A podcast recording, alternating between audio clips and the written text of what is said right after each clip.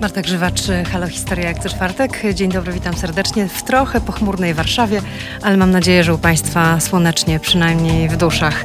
E, zbliża się 1 września, rocznica w naszej historii, o której chyba nie trzeba nikomu przypominać, ale my dzisiaj w Halo Historia nie tyle o wojnie, która oczywiście tego dnia wybuchła, ale o pewnej spektakularnej ucieczce z pola bitwy ówczesnego naczelnego wodza Edwarda Śmigłego Rydza, który w dobrym towarzystwie zresztą rządu, oficjeli oficerów, widząc, że wojna jest przegrana i wiedząc o nadciągającej ze wschodu Armii Czerwonej, pozostawił bijące się tu i ówdzie wojsko i ruszył ku granicy z Rumunią. Dla niektórych Polaków noc z 17 na 18 września 1939 roku, kiedy to nastąpiło, stała się datą symbolicznej śmierci Edwarda Śmigłego Rydza, którego nie zapominajmy, darzono w Polsce niemal kultem. O wielkiej karierze i upadku Śmigłego Rydza będę dziś rozmawiać w Halo Historia z Kamilem Janickim, historykiem, autorem wielu znakomitych książek historycznych. Dzień dobry.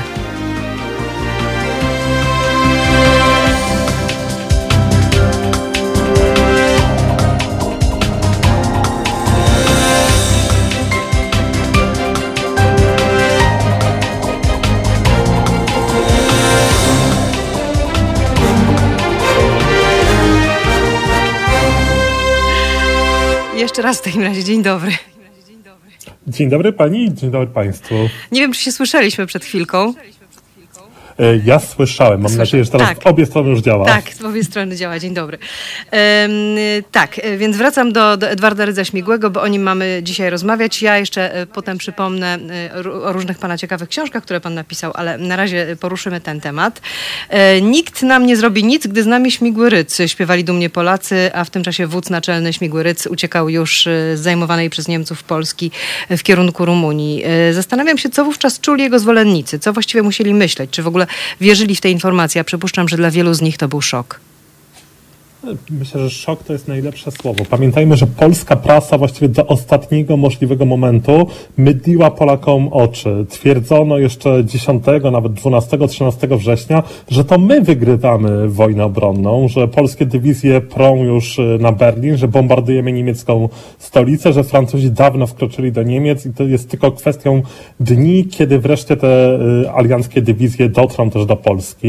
Y, I takie informacje prasa publikowała oczywiście na polecenie rządu są zachowane pamiętniki dziennikarzy z głównych tytułów, którzy nawet w to wierzyli. Nie mieli żadnej innej metody weryfikacji wiadomości, zamieszczali te, te depesze i czekali na, na ratunek, który miał nadejść, bo przecież to my byliśmy zwycięską stroną. Chodziło tylko o to, żeby przetrwać kilka ostatnich dni. Więc gdy nagle okazuje się, że my niby bombardujemy Berlin, a jednocześnie władze naczelne i sam Rydz Śmigły uciekają przez granicę. No, nie dało się czegoś takiego w żaden sposób wytłumaczyć. Są zachowane przeróżne wypowiedzi, pamiętniki, gdzie ludzie, którzy byli świadkami tej y, ucieczki na przedmościu rumuńskim, gdy o tym słyszeli, no to odpowiadali oczywiście y, y, no, takich słowach na przykład, e, co pan mówi, przecież hetman nigdy nie opuszcza armii, to kłamstwa, to, to, to potwarz, e, to propaganda wroga. No, ale to jeden, jeden z tych ludzi, chyba, chyba, chyba e, szef Straży Granicznej, strzelił sobie w łeb, z tego co pamiętam,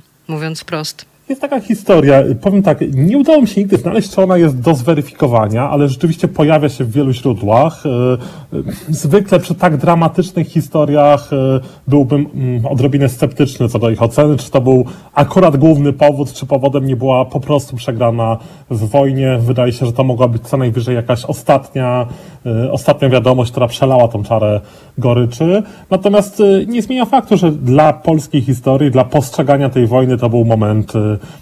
decydujący, szczególnie, że Śmigły Rydz y, zaledwie rok wcześniej mówił w wywiadach, y, y, wyśmiewał w wywiadach postawę Stanisława Augusta Poniatowskiego, jego abdykację, mówił, że wódz musi walczyć do końca i że on postawiony w takiej sytuacji oczywiście nigdy nie zrzekłby się władzy, nigdy by się nie wycofał, tylko biłby się z wrogiem osobiście do ostatniego tchu. No ale podobno Śmigły Rydz też miał taki moment zawahania w pewnej chwili, prawda? Powiedział, byli świadkowie, którzy mówili, że jednak on w ostatnim momencie próbował zrezygnować, że jednak on tu wraca, prawda, będzie się bił razem ze swoimi żołnierzami. I co się w takim razie dzieje, że ostatecznie decyduje się jednak uciekać? Tak, to jest oczywiście bardzo kontrowersyjny moment. Jest kilka zachowanych relacji na temat tego, co działo się w tych ostatnich dwóch dniach na przedmościu rumuńskim. Należy podkreślić koniecznie, że polskie władze też żyły w zaślepieniu. Można nawet odnieść wrażenie, że do jakiegoś stopnia polski rząd, y, prezydent, y, członkowie gabinetu i właśnie Edward Śmigły-Rydz uwierzyli w tą własną propagandę.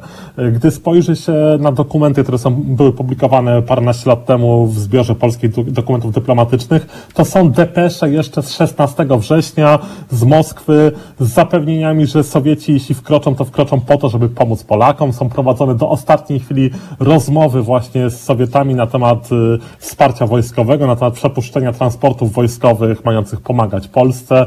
Y, ambasador y, w Moskwie cały czas dopuszcza taką możliwość, a zwłaszcza dopuszczają ją właśnie główne polskie czynniki rządowe, więc y, dla władz to, że Sowieci wkraczają i że ta wojna jest absolutnie przegrana, to jest kolejny szok. Y, tutaj takim najciekawszym źródłem na temat właśnie tych ostatnich dni w y, Edwarda Śmigłego Rydza w Polsce są wspomnienia pułkownika Józefa Jaklicza. To był zastępca szefa sztabu Śmigłego, który opublikował jej, to trzeba podkreślić, kilkadziesiąt lat później. Trzeba też pamiętać, to był człowiek y, podporządkowany Śmigłemu, do jakiegoś stopnia za- zawdzięczający mu swoją karierę, więc no nie do końca y, Obiektywny, w prawda? 100% obiektywny, tak.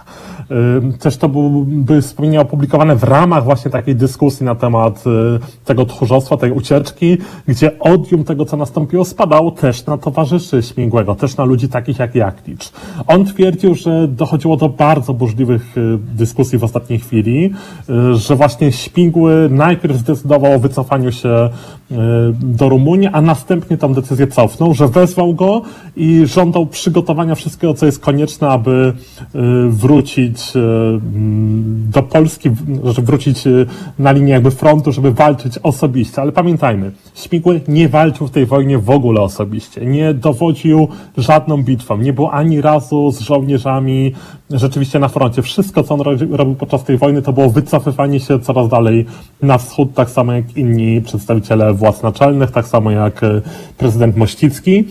Y, Więc ta jego nagła decyzja, że on teraz chwyci za broń, żeby mu przysłać y, najlepszych oficerów i że razem z nimi wyruszy do walki, no trudno to traktować y, poważnie. Trudno to traktować jako de- deklarację, która miała znaleźć jakiekolwiek odzwierciedlenie w rzeczywistości. No i zdaniem Jaklicza, po tym jak tą prośbę wystosował Śmigły, po tym jak zażądał właśnie kilku oficerów, broni, samochodu i żeby jechać z powrotem do walki, to najgłośniej sprzeciwił się Felicjan Sławy Składkowski, czyli the ówczesny premier, jeden z najważniejszych y, ludzi w Polsce i w ogóle w tym obozie sanacyjnym, twierdził, że nie można dopuścić do tego, żeby marszałek zginął z rąk Ukraińców, to są dosłownie jego słowa, y, ponieważ docierały informacje o już y, buntach ludności, często y, przesadzono o tym, że dochodzi do rzezi na ludności polskiej w toku tych walk z Niemcami, że ludność na wschodzie powstaje przeciwko tym, których uważała dotąd za okupantów. No a jednocześnie obawiano się też oczywiście, że śmigły może wpaść w ręce, y, jeśli nie Niemców, to Sowietów. Natomiast znowu, tą decyzję śmigły bardzo szybko cofnął, gdy tylko się dowiedział, że rzekomo pobliska miejscowość jest zajmowana przez y, Sowietów, natychmiast wydał ponownie decyzję, żeby ruszać za granicę. Mm, A co by się tak naprawdę stało, gdyby oni zostali? Mówię o Śmigłym, o, o, o całym dowództwie, o jego oficerach, o, o urzędnikach, o rządzie. Na tym etapie to już był idiotyzm. Znaczy, to, że ta dyskusja w ogóle się toczyła 16-17 września, to pokazuje tą absolutną indolencję polskich władz. Natomiast to, że jedyną realną taktyką śmigłego podczas tej wojny, po ogłoszeniu pierwszego dnia, że każdy krok wkraczających Niemców ma być okupiony krwią i że ostatecznie zwyciężymy, a potem to jest już tylko cofanie się, Było wiele dni, kiedy można było podejmować inne decyzje. Były dni, kiedy Śmigły powinien być z żołnierzami, kiedy powinien był brać udział w obronie, kiedy było potrzebne jego wsparcie moralne, kiedy rzeczywiście w pierwszych dniach obecność wodza naczelnego e, na froncie, świadomość żołnierzy, że on uczestniczy w tych walkach, mogła mieć duże znaczenie dla morale. E, Czy wpłynęłaby na reakcję aliantów? Wątpię. Y, Natomiast mogła wydłużyć polski opór, mogła wzmocnić ten opór. Być może kilka kupionych dni sprawiłoby, że sytuacja, z jakiej wychodziłaby Polska, y, byłaby nieco inna. Może też uratowałby odrobinę honoru jeszcze w tej sytuacji, co nie jest może bez znaczenia. No, honor jest oczywiście tutaj kluczowy, zwłaszcza jego. E, to jak pani powiedziała, właściwie kariera Śmigłego, no kariera na pewno Śmigłego skończyła się 17 e, września, natomiast e, skończyło się też właściwie jego życie. To, co jest później, to już jest bardzo ponury i przykry epilog i takie przedśmiertne podrygi, e, próby wywalczenia sobie ponownie pozycji z absolutnie najgorszej pozycji wyjściowej. I no, w polskiej historii on już na zawsze zostanie jako ta osoba, która w kluczowym momencie wykazała się najdalej posuniętym tchórzostwem i oczywiście można tutaj wysuwać różne argumenty polityczne, że co by dobrego przyszło z tego, gdyby śmigły Ryd zginął na froncie? Co by dobrego przyszło y, z tego, żeby do końca został w Polsce? Ale nikt nie mówi o zostawaniu do ostatniej chwili. Nikt nie mówi o tym, że miałby kapitulować przed Niemcami. Natomiast no, z jego strony każdy krok w wojnie obronnej był absolutnie haniebny. No właśnie, już począwszy od tego, od tej wojny właściwie na ambicje z Sosnkowskim, prawda? Którego rad on właściwie kompletnie nie przyjmuje, ani jego pomocy. Gdzieś tam go odsyła na bok. Później mu każe bronić Małopolski, ale to właściwie jest już trochę też bez znaczenia, bo Sosnkowski zostaje otoczony, tam mu się parę razy udaje przebić e, i, i coś tam ugrać i ostatecznie się ewakuuje, ale rzeczywiście już jako honorowy żołnierz, prawda? Bo jednak nie zostawia swoich żołnierzy. On im tylko mówi, że no właściwie koniec wojny, powinni się rozproszyć, pójść swoją drogą, a najlepiej w stronę Węgier i próbować przedostawać się do Francji, ale to jednak wydaje się, że Sosnkowski zrobił znacznie więcej niż, niż Śmigłyryc. Stanął stanął do walki, wykonał rozkaz, tak. robił to, co do niego należało.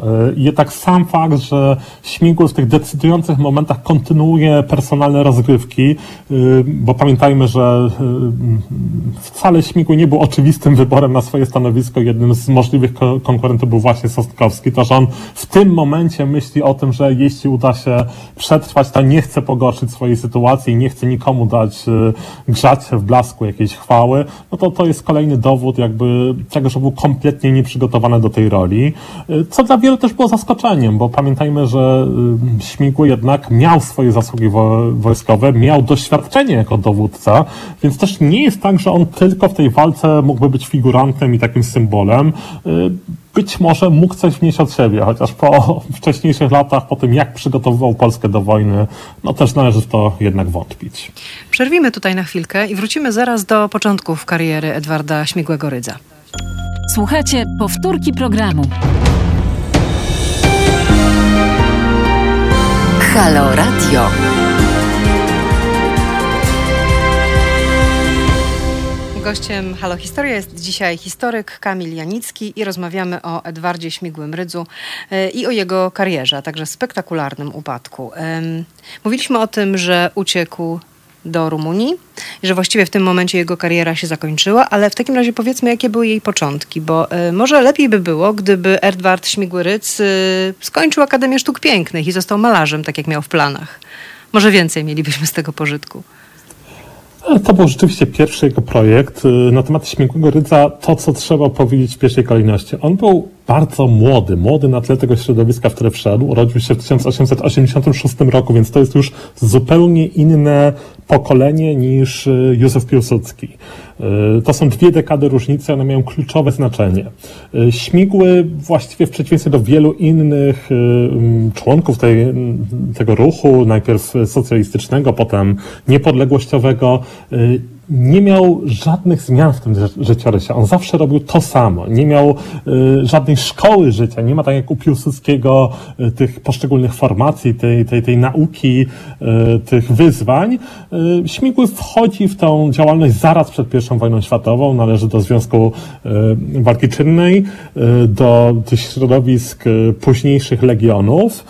Tam zaczyna jako człowiek drugiego, trzeciego planu i już nigdy z tego jakby poziomu nie schodził. Można wręcz powiedzieć, że on jest takim idealnym aktorem drugiego planu przez całą swoją karierę, aż do śmierci y, Piłsudskiego. Y, w Legionach y, ściągnięty właśnie przez Piłsudskiego dowodzi, ale raczej dowodzi na drugiej linii. Jeśli większe związki są mu podległe, to dlatego, że na przykład Piłsudskiego brakuje, bądź ważniejsi dowódcy są wysyłani do bardziej odpowiedzialnych zadań. Ale Takie dzieje się tak pierwsze... dlatego, że on właśnie dzieje się tak dlatego, że on nie ma ambicji, czy nie ma zdolności?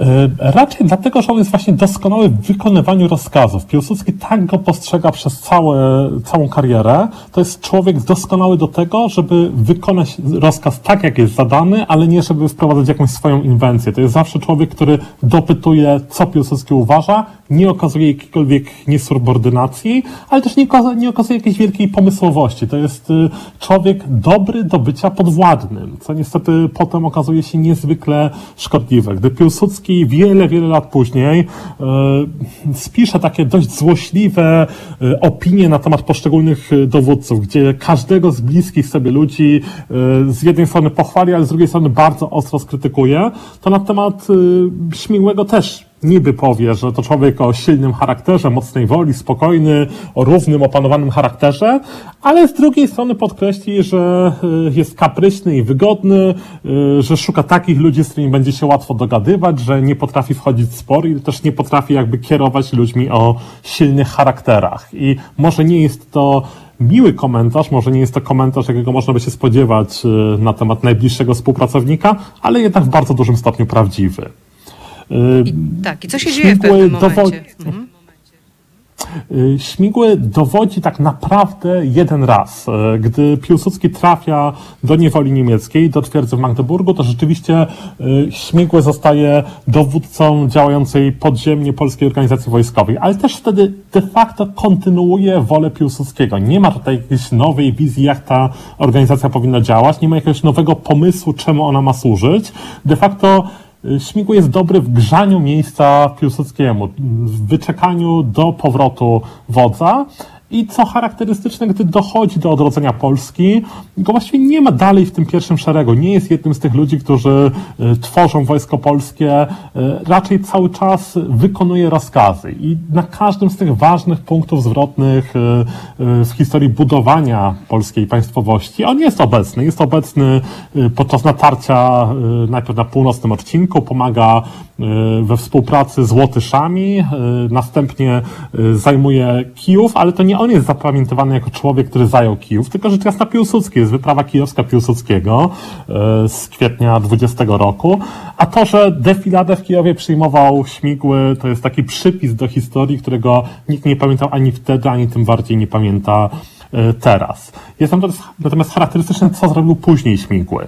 Gdy bolszewicy ruszają do kontrofensywy, bo de facto polskie wojsko zostało wpuszczone na wschód, e, celowo e, czerwoni pozwolili Piłsudskiemu na tak duże sukcesy, aby rozciągnąć linie zaopatrzeniowe, aby ułatwić sobie kontrofensywę, to Śmigły długo odmawia wycofania się, dopytuje kilkukrotnie o to, czy na pewno taka jest wola Piłsudskiego. Nie podejmuje decyzji na podstawie tego, jaka jest sytuacja yy, na jego odcinku, na podstawie tego, co dzieje się z armią i co dzieje się z oddziałami wroga. Dla niego się liczy tylko i wyłącznie to, czy aby na pewno Piłsudski dokładnie tego sobie życzył.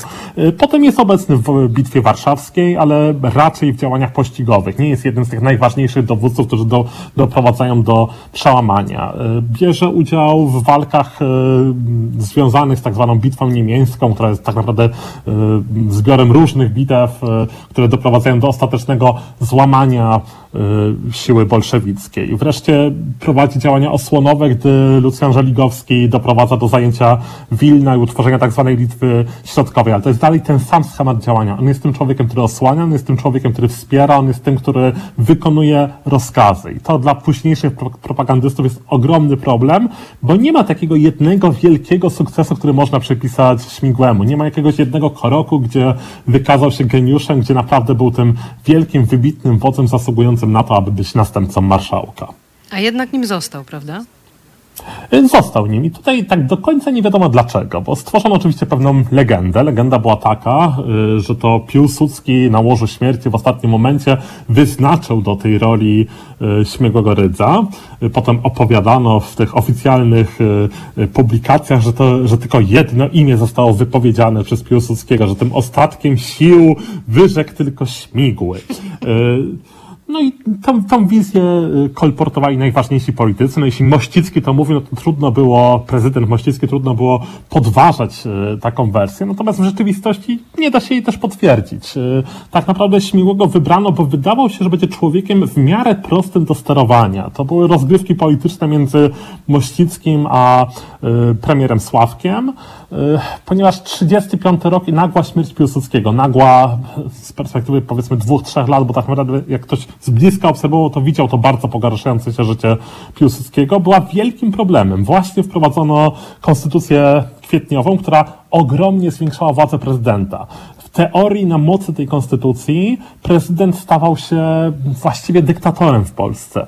Y, widziano to jako narzędzie dla Piłsudskiego. Wyobrażano sobie, że po wprowadzeniu nowej konstytucji to Piłsudski zostanie prezydentem. Natomiast to, co zostało, no to profesor chemii na stanowisku y, prezydenta, traktowany jako figurant, traktowany jako symbol i nigdy y, nie uważany za poważnego polityka przez Piłsudskiego.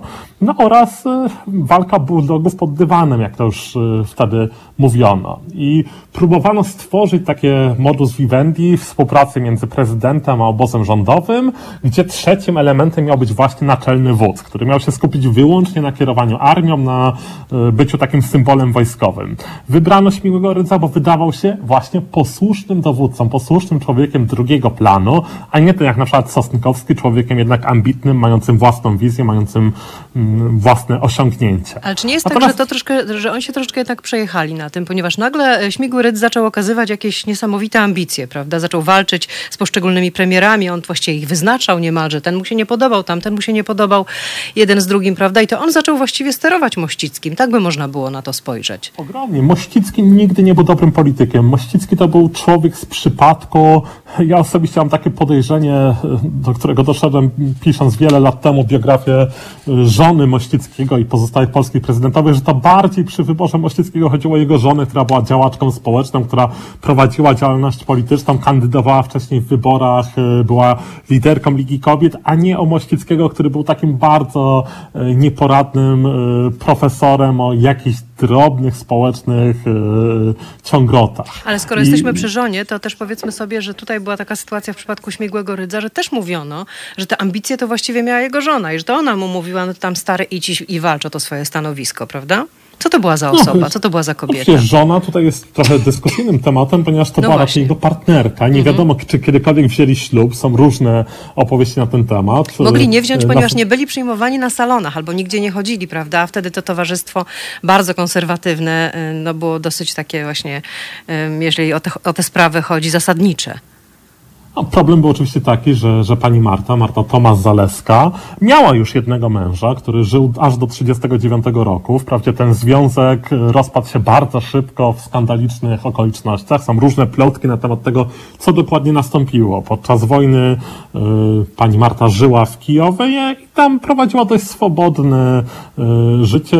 Prawdopodobnie związała się z więcej niż jednym mężczyzną. Jest opowieść o tym, jak y, jej mąż wparował do pokoju hotelowego, zastał tam jakiegoś amanta y, i miał nawet mu powiedzieć, że y, odstępuje mu żonę, że nie chce stać na drodze miłości, ale tamten się roześmiał, że to tylko głupi romans i podobno mąż strzelił do tego mężczyzny, został za to tylko zdegradowany. Jak ta historia naprawdę wyglądała, to należy z pewnym przymrużeniem oka spojrzeć, ponieważ zawsze tego typu historie y, rozbuchiwano i podawano w takich, takiej formie plotkarskiej. Natomiast nie zmienia faktu, że Marta Tomas-Zaleska e, w tym okresie związała się z kolejnym mężczyzną już bardzo dobrze znanym, czyli właśnie Śmigłem Rydzem, będącym e, dowódcą tych e, podziemnych struktur związanych które stworzono w ramach Polskiej Organizacji Wojskowej. No i to jest romans, który przeradza się stopniowo w coś coraz bardziej poważnego, ale nie jest to nigdy typowe małżeństwo. Oni nigdy y, nie prowadzą wspólnego życia towarzyskiego. Oni zawsze żyją raczej obok siebie i zwłaszcza już w latach 30., gdy Śmigły Ryc robi tą wielką karierę polityczną, ten związek nabiera bardzo nietypowych y, rysów, bo dla y, żony czy partnerki Śmigłego jest kupowana willa w Monaco, w Monte Carlo, Carlo, gdzie ona mieszka z dala od Polski, rzekomo po to, żeby budować kontakty dyplomatyczne, ale wydaje się, że raczej Śmigły chce ją trzymać na dystans, że właśnie jest dla niego problematyczne to, jak ona miesza się do tych stosunków towarzyskich, politycznych, jak próbuje na nie wpływać. Rzeczywiście w ostatnich latach jest jej coraz mniej, krążą za to przeróżne plotki o, o tym, że jest osobą problematyczną, jak to wtedy mówiono, histeryczną, no ale to zawsze, gdy mowa o dawnych kobietach, e, gdy są nazywane histeryczkami, to znowu trzeba to brać w duży cudzysłów, bo to jest no, typowe słowo klucz e, tamtej epoki na określenie jakiejkolwiek kobiety, która ma własną wizję. ale mówi się też, mówi się też, że Marta Zalewska trzyma go jednak pod pantoflem, że właściwie źle go traktuje, że go upokarza publicznie, że publicznie z niego żartuje w taki dosyć niewybredny sposób, no i że go zdradza przede wszystkim. No tak, tylko znowu, y, takich przypadkach to są plotki puszczane przez różne osoby. Nie ma żadnej wiarygodnej relacji na temat e, tej kobiety, na temat jej związku z mm, śmigłym rydzem. Ja w takich przypadkach zawsze jestem bardzo ostrożny, bo gdy przeczyta się 5-6 plotkarskich pamiętników tej epoki, każdy ma inną wizję y, tych opowieści. W tych rzadkich przypadkach, gdy możemy znaleźć dokumenty na potwierdzenie, jak wyglądały relacje, one nigdy nie wyglądają tak samo jak w tych historiach plotkarskich. Niestety dla losów Śmiałego Rydza brakuje rzetelnych pamiętnikarzy, brakuje ludzi, którzy nie mieli żadnego interesu w tym, co opisywali. E, też ta historia jest no, niestety skażona tym, co stało się później. Nie da się pisać o śmigłym rydzu i nigdy się nie dało w sposób absolutnie bezstronny, bez tego skażenia jednak faktem, że, że był człowiekiem, który uciekł. E, więc na pewno ona była kobietą uważaną za trudną, kobietą uważaną za pewną przeszkodę dla, dla kariery politycznej Śmigłego, ale jednak końcowo tą przeszkodą nie była, bo Śmigły robi wielką karierę. Czy ona go popycha do tych ambicji, to nie jest jasne. Natomiast widać tą przemianę oczywiście u Śmigłego. On bardzo szybko, w ciągu roku, dwóch, z człowieka, który miał być figurantem, staje się pierwszą właściwie osobą w państwie. Konkuruje skutecznie z Mościckim, a Mościcki raczej odsuwa się w cień. Y, w ostatnich latach międzywojnia prowadzone są zakulisowe dyskusje nad tym, że Mościcki ustąpi, że nie będzie się ubiegać o kolejną kadencję. Są dyskusje nad tym, w jaki sposób ma przejść na tą emeryturę i co zostanie mu zapewnione. Więc w gruncie rzeczy Mościcki sam się usunął z tej konkurencji, co najwyżej politycy rządowi są tutaj dalej w grze. Natomiast pamiętajmy, no Walery Sławek, który jest jednym z tych głównych konkurentów, też zostaje odsunięty i końcowo popełnia samobójstwo. Y, natomiast Sławoj Składkowski nigdy nie jest poważnym konkurentem co sam jakby pokazuje, wydając okulnik jako premier, w którym ogłasza, że to Śmigły jest drugim człowiekiem w państwie, najbliższym współpracownikiem y, prezydenta i że każdy członek rządu z nim wspólnie ma oddawać mu honor i posłuszeństwo. Zanim, Więc, y, zanim porozmawiamy... Rzeczywiście... Zanim porozmawiamy o kulcie e, Śmigłego, e, co oczywiście miało miejsce w Polsce międzywojennej, e, to jeszcze chciałabym na sekundę tylko skończyć ten wątek żony, żebyśmy już to mieli za sobą. Bo ja jeszcze tylko przypomnę Państwu, że nasz gość Kamil Janicki napisał książkę pod tytułem Seryjni mordercy drugiej RP. Serdecznie zachęcam do przeczytania. I, I, o morderstwie bym chciała w tej chwili, ponieważ przypuszczalnie żona Rydza Śmigłego została zamordowana. Czy tak?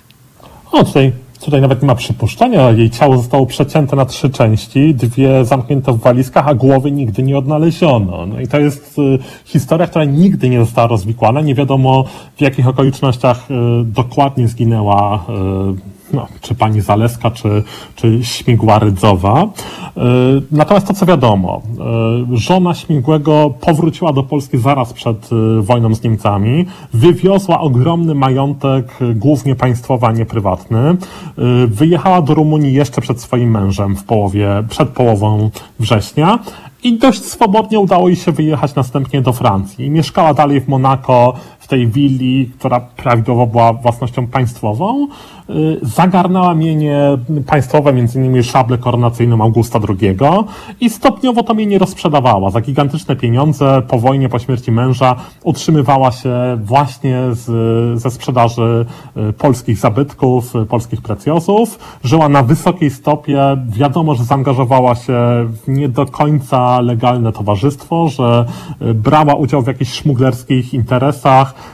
i prawdopodobnie to one właśnie doprowadziły ją do, do, do śmierci.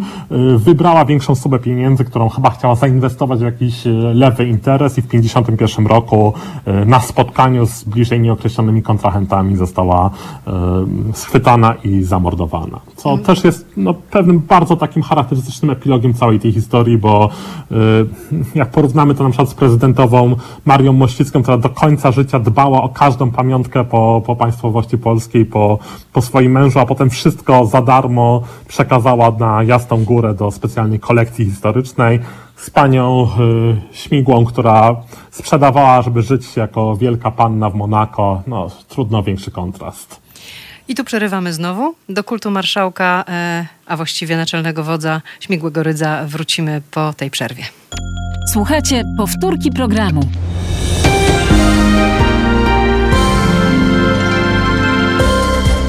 Halo Radio. Pierwsze medium obywatelskie.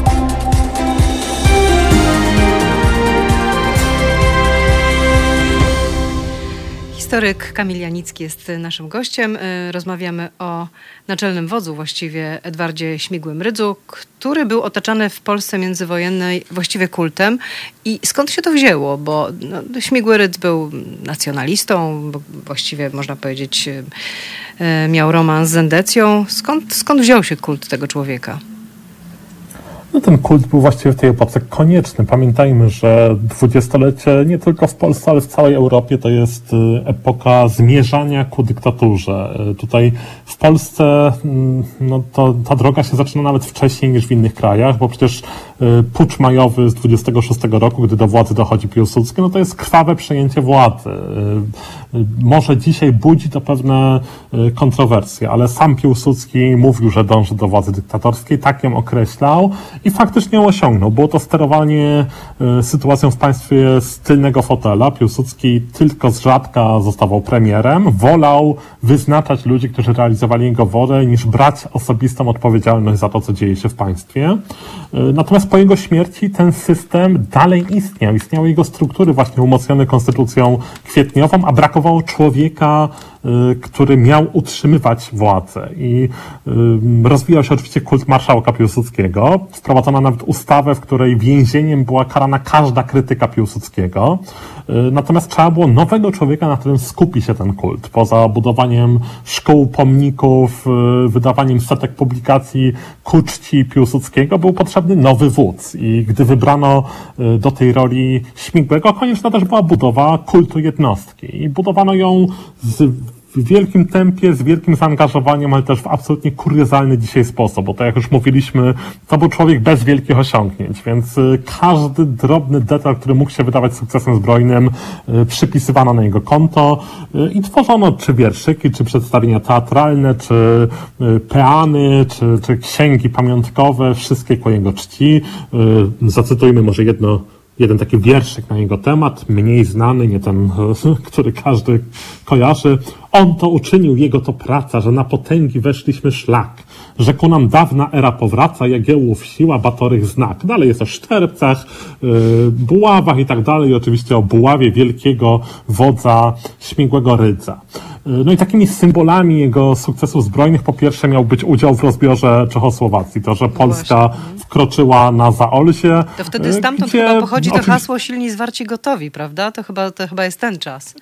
To on to powiedział. Tak, dokładnie. Wtedy, tak, i wtedy też mówiono, dzięki Ci Marszałku za Twój trud, żeś wyzwolił cały śląski lud, wdzięczność, radość, trudno nam jest skryć, z Tobą i dla Ciebie chcemy żyć. Więc to naprawdę brzmi po prostu, yy, no, tak, no, no jak śmiesznie, groteskowo dzisiaj, znaczy, tak. Mhm, mhm. Dzisiaj groteskowo, natomiast pamiętajmy, tutaj to pomachiwanie szabelką, te, te metody polityki, gdzie Polska brata się z Hitlerem, żeby zająć niewielkie, nie mające politycznego znaczenia terytorium, gdzie zaprowadza się jednak olbrzymi podział z siłami zachodnimi, gdzie pokazuje się, że Polska jest gotowa do współpracy z Hitlerem, że nie jest rzetelnym partnerem dla, dla zachodnich mocarstw, to jest tylko po to, żeby właśnie stworzyć dodatkowy mit y, śmigłego. Coś, o czym się w ogóle nie pamięta, to, że w 1938 roku polska armia też była gromadzona nad granicą z Litwą, gdzie przymierzano się do inwazji, postawiono ultimatum Litwie, gdzie to miał być kolejny wielki sukces zbrojny właśnie y, Śmigłego. Więc takie pomachiwanie szamelką na każdym froncie, żeby pokazać, że to dzielny wódz, który no przepraszam, zacytujmy, nasz drogi dzielny wódz, gdy każe, pójdziemy z nim na jeźdźców tłuc. No, ale, no i poszliśmy, tylko on sam do tego y, nie dołączył. I wszystko to brzmi śmiesznie, wszystko to brzmi groteskowo, ale pamiętajmy, to jest człowiek, który tworzy absolutnie nierealny plan obrony Polski, który decyduje o tym, żeby pchać olbrzymie pieniądze w rozwój floty, która nie jest do niczego potrzebna, która jest tylko symbolem takiej y, mocarstwowej, imperialnej, kolonialnej potęgi Polski, która oczywiście nie istniała. To jest człowiek, który spotyka się z Geringiem i nawet myśli o tym, żeby dać mu order Orła Białego, dyskutuje z nim jak z partnerem politycznym, któremu można ufać. To jest człowiek, który buduje obóz Zjednoczenia Narodowego, czyli taką faszyzującą, y, już nie endecką, ale właśnie nacjonalistyczną organizację, który popiera antysemityzm, który y, buduje swoją siłę polityczną właśnie w oparciu o taki radykalizm polityczny, który, który na pewno nie miał wiele wspólnego z Piłsudskim czy z tym obozem przed 1935 rokiem. A właściwie dlaczego on postanawia wrócić e, do Polski po internowaniu. Wraca potajemnie, co prawda wieziony samochodem, tam tylko przed granicą musi parę kroków zrobić, no ale, ale jednak wraca w 1941 roku, jesienią. No tak, wraca w wielkiej wygodzie. Mówi się, że podobno 100 tysięcy dolarów kosztował sam ten jego powrót, kiedy inni się przedzierali w niebezpieczeństwie przez granicę y, pieszo z wielkim trudem, no to on jest wieziony pociągiem, samochodem, po prostu w luksusie. No i oczywiście liczy na to, że odbuduje swoją pozycję polityczną, że zgromadzi wokół siebie siły związane z dawną sanacją, ma takie absolutne urojenie co do tego, jak jest postrzegana jego osoba. Uważa, że będzie na nowo wodzem, że to on będzie przywodzić polskiemu podziemiu. Na miejscu dochodzi do bardzo szybkiego otrzeźwienia otrzeźwienia. Niewielu ludzi jest w ogóle gotowych się z nim spotykać, bardzo niewielu jest gotowych z nim współpracować, nikt nie ufa jego możliwościom, a jego wpływy są absolutnie śladowe, więc de facto przebywa w y, mieszkaniu swojej mm, dawnej przyjaciółki, związane z nim politycznie, odbywa jakieś spotkania, ale głównie maluje, czyta książki, no i stopniowo pogarsza się jego stan zdrowia. No i oczywiście są przeróżne teorie spiskowe na, na temat tego, co stało się później. Że został zamordowany albo przez własnych współpracowników bojących się kon, kon konkurencji, albo że przez siły, które potem stworzą Armię Krajową, y, właśnie dlatego, że obawiano się, mm, jaka będzie jego pozycja, albo że zabito go, ponieważ y, był gotów na jakieś układanie się z Niemcami. Raczej wszystkie te teorie należy włożyć między bajki. Y, Śmigły nie jest w stanie odegrać już żadnej roli, jego stan zdrowia się pogarsza, jego stan zdrowia głównie związany z chorobą serca, która y, uderza właśnie z końcem 1941 roku. Y, szybko się pogarsza, dochodzi do dwóch zawałów serca, drugi jest już y, śmiertelny. Kilku lekarzy bada jego ciało, wiele osób uczestniczy potem w takim tajnym obrządku pogrzebowym, który też jest, bądźmy szczerze, w ogromnym stopniu kuriozalny, bo y, wtedy są wydawane, jest wydawany specjalny podziemny y, akt śmierci, gdzie jest napisane, że w nierównej wojnie z barbarzyńskimi nazistami y, Śmigłyrys umarł no, na serce, prawda? No i to była cała ta jego nierówna W nierównej wojnie walka. umarł na serce, to rzeczywiście. To była no, wojna. No dokładnie, angina pectoris, bo z łaciny podano, żeby tak dumnie brzmiało. Mhm. I tak się kończą losy Edwarda Śmigłego-Rydza. Y, bardzo serdecznie panu dziękuję za tę rozmowę i wyczerpujący, myślę, portret naszego naczelnego wodza. Nie mieliśmy szczęścia. Y, ja tylko jeszcze przypomnę, y, że pan Kamil Janicki jest autorem wielu książek historycznych, a my dzisiaj polecamy seryjnych morderców drugiej RP. Serdecznie dziękuję. Do usłyszenia, mam nadzieję. To jest powtórka programu.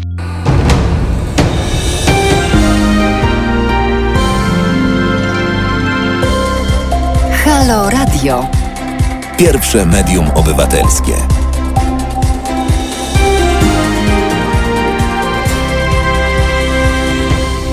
Jeżeli dołączyli Państwo do nas w tej chwili, to ja tylko przypominam, że słuchają Państwo audycji Halo Historia. Ja się nazywam Marta Grzywacz, a już za chwilę nasz kolejny gość, Mirosław Macierowski, redaktor naczelny y, magazynu Ale Historia Gazety Wyborczej, a także autor znakomitej książki zawierającej zbiór reportaży i wspomnień Sami swoi i obcy, prawdziwa historia wypędzonych, bo to jest dzisiaj nasz kolejny temat. 16 sierpnia 1945 roku podpisano układ graniczny pomiędzy Polską i ZSRR, który był między innymi wynikiem konferencji w Jałcie i Poczdamie I na mocy ustaleń e, tych konferencji Polska została przesunięta na zachód. Straciliśmy wówczas Kresy Wschodnie, zyskaliśmy na przykład Wrocław. I co to oznaczało dla ludności zamieszkującej te tereny? Mirosław Macierowski, dzień dobry. No to oznaczało rewolucję w życiu, bo y, to oznaczało wielkie, y, wielkie prze, wielką przeprowadzkę, wielką ewakuację. Ja tylko powiem, że ta ewakuacja zaczęła się w zasadzie już w 1944 roku, dlatego że to, to, co się stało w Poczdamie na przełomie lipca i sierpnia, czyli już jakby ostateczne ustalenie granic, które no to była tylko formalność. Mm, Zachód nie chciał się zgodzić.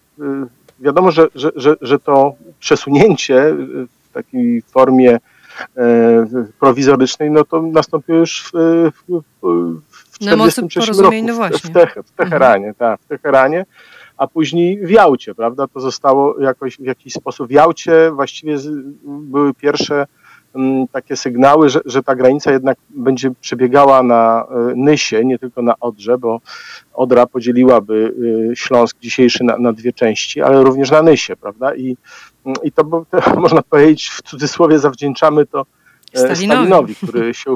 Tak, tak, no, trzeba to powiedzieć. No, Stalinowi zawdzięczamy to, że mamy ziemię na, czyli też kawałek z Gorzelca, prawda, i na ziemię, na, na, na zachód od, od Odry, mm, od, od ujścia do niej Nysy. Wcześniej to było y, zadecydowane, ale zachód wschodnie y, mocarstwa wychodziły z założenia, że po prostu nie można decydować o kształcie granic jakiegoś państwa bez udziału y, przedstawicieli tego państwa. A ani w Jałcie, ani w Teheranie oczywiście nie było przedstawicieli e, państwa polskiego, e, natomiast w, w Poczdamie, no to już był, byli, byli przedstawiciele, już był Bier, byli, byli przed... Halo, halo? Halo, słyszymy o, tak, się? teraz się słyszymy, tak, teraz jest dobrze. Tak no to byli tam już y, przedstawiciele w Poczdamie państwa polskiego, Bierut i y, parę innych osób, y, no i to już rządu, który był uznany przez Zachód, prawda? No i e, Natomiast te przesiedlenia już w zasadzie trwały. Już, już od listopada 1944 roku Polacy wyjeżdżali, szczególnie z, z Wołynia i z, z tak zwanej Galicji Wschodniej, jak Y, y, trzymając się nomenklatury przedwojennej, czyli z polskich kresów, o czym decydował y, konflikt etniczny, jaki tam trwał od 1943 roku, czyli po prostu niebezpieczeństwo, w jakim się ci ludzie znaleźli. No bo choć 1944 rok, do końca 1944 roku te ziemie znalazły się teoretycznie pod kontrolą Armii Czerwonej, no to jednak tam E, silne było podziemie nacjonalistów ukraińskich. No i, i ci ludzie byli w niebezpieczeństwie. Ludzie ginęli tam w zasadzie e, przez cały 45 rok jeszcze, dopóki E, ta sytuacja się jakoś nie ustabilizowała. Tak, ty, ty opisujesz sytuacje no, absolutnie tragiczne i historie wręcz nie do uwierzenia, które się tam w tamtym momencie dzieją. E, to w jaki sposób ci ludzie ratowali swoje życie, jak często udawało im się to życie uratować, to, to gdyby się tego nie czytało w reportażu, można by pomyśleć, że piszesz po prostu prozę, dowolnie operując wyobraźnią. No nie, to nie, nie była proza, to, to, to rzeczywiście ta książka, którą napisałem już parę lat temu, ładnych, no to ona miała, mm, miała jak gdyby zobrazować wszelkie możliwe, tak mi się wtedy wydawało, e, rodzaje przesiedleń, a więc z miasta do miasta, z e, rolnika z, spod Tarnopola do, na, na ziemię zachodnie, do, do wioski na ziemię zachodnią. E, profesurę prawda, i żołnierzy e, AK, którzy e, na przykład jest, tam jest jeden z reportaży opowiada o tym, jak akowcy, którzy się znaleźli w, w Wilnie w Potrzasku, prawda, no bo w, w, w lipcu 44 niby z Sowietami zdobywali Wilno, a parę dni później już siedzieli w więzieniach, prawda, albo niektórzy jechali na, na Białe Niedźwiedzie, ale ci, co zostali, oni się ukryli w Puszczy Rudnickiej, i udało im się mm, zinfiltrować e, poprzez ludzi, którzy byli bardzo głęboko zakonspirowani w czasie wojny, byli cywilami, ale byli w konspiracji. Potem oni przeniknęli do, do tego, do, przeniknęli do jakby systemu przesiedleń, prawda, do, pełnomocnikiem PKWN do spraw przesiedleń był Tamakowiec na przykład, i który, któremu udawało się do tych wagonów przesiedleńczych wyciągać ludzi z lasu i dawać im lewe papiery i oni jechali na ziemię odzyskane jako przesiedleńcy i w ten sposób ratowali życie. I potem ich paru y, niejednokrotnie łapali na tych ziemiach e, zachodnich, ale w ten sposób się, y, się ratowali, prawda. No, są, są wielkie y, sprawy z, z profesurą, prawda, no bo mieliśmy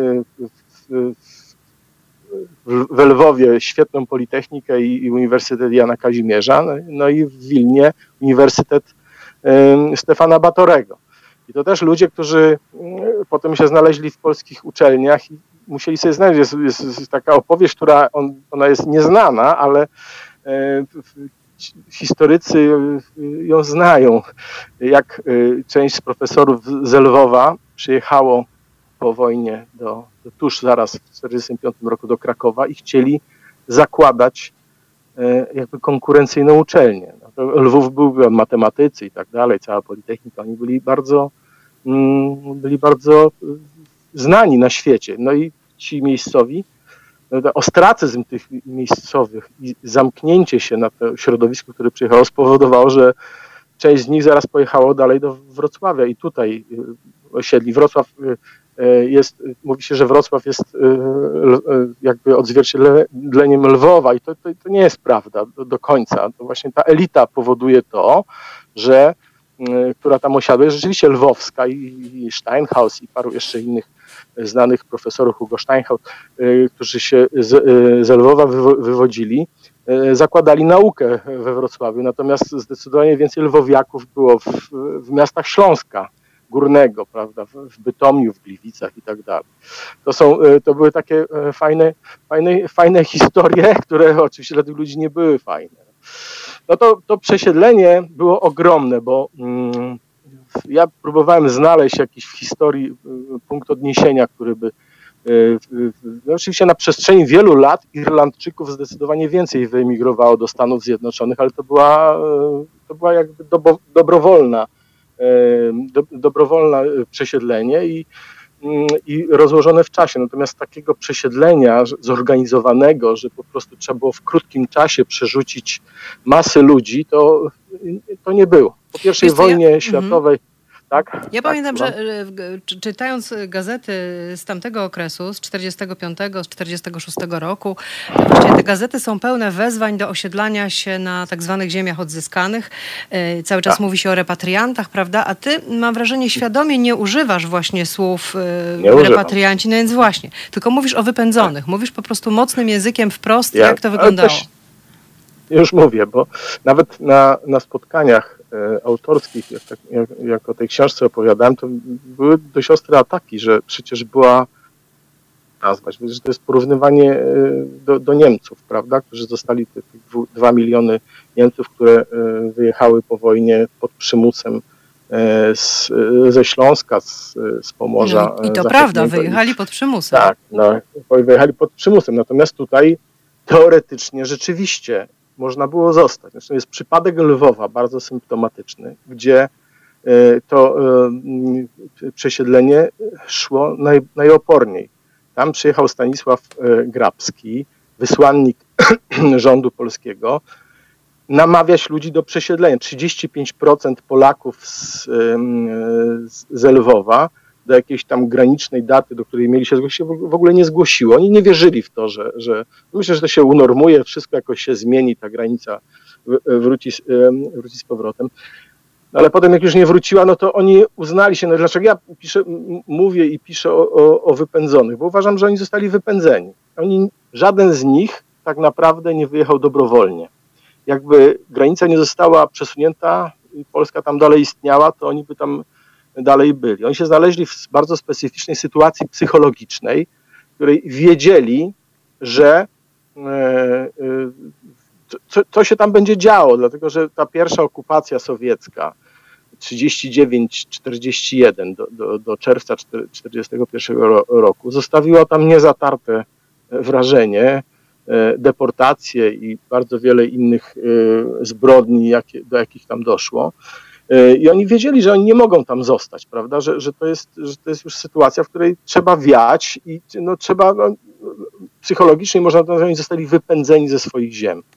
Oczywiście to wypędzenie zupełnie inaczej wyglądało w, na Litwie, na Białorusi e, zachodniej. I, no właśnie, bo na Litwie, Litwie, na Litwie to chyba było tak nawet, że oni tam nie bardzo chcieli dopuszczać e, do wyjazdu tych tak, ludzi, prawda? Tak. Oni, no, oni, się, oni, oni, tak. Mhm. No tak, to skończ. O ile, w, e, o ile w, na Wołyniu czy, czy na, w Galicji to była sytuacja jasna i tam to szybko poszło, chociaż było najwięcej ludzi do przesiedlenia, e, no to na, na e, Litwin, te nowe władze sowieckie, litewskie, obawiały się, że tam nie będzie miał kto pracować, no bo to nie jest fragment Europy, który jest zbyt mocno zaludniony, a Polacy jeszcze dodatkowo tworzyli tam elitę, prawda, czyli wykształconymi ludźmi i, i utrata i dochodziło do czegoś takiego, że, że oni utrudniali to, e, to tą przeprowadzkę, tą, tą ewakuację e, do Polski. No, naj, najmniej problemów było w, w, tak, naj, najbardziej płynnie i bez jakichś ekscesów no to w, na tej białoruskiej, w tej białoruskiej części.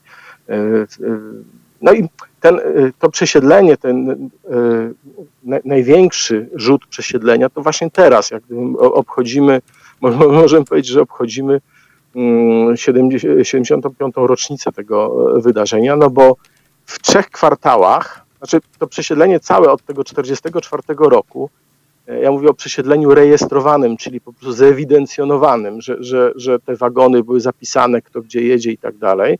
To jest lato 45 no to jakoś, prawda?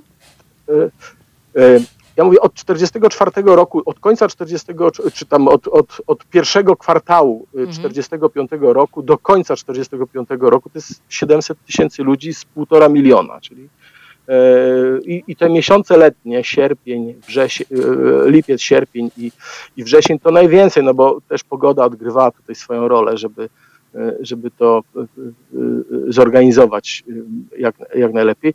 Mm, no i to właśnie wtedy się, się odbywało. Bardzo mhm. ciekawa jest. Nie, bo chciałeś zadać pytanie. Chciałam, ale powiedz, dokończ, dokończ, zaraz zadam.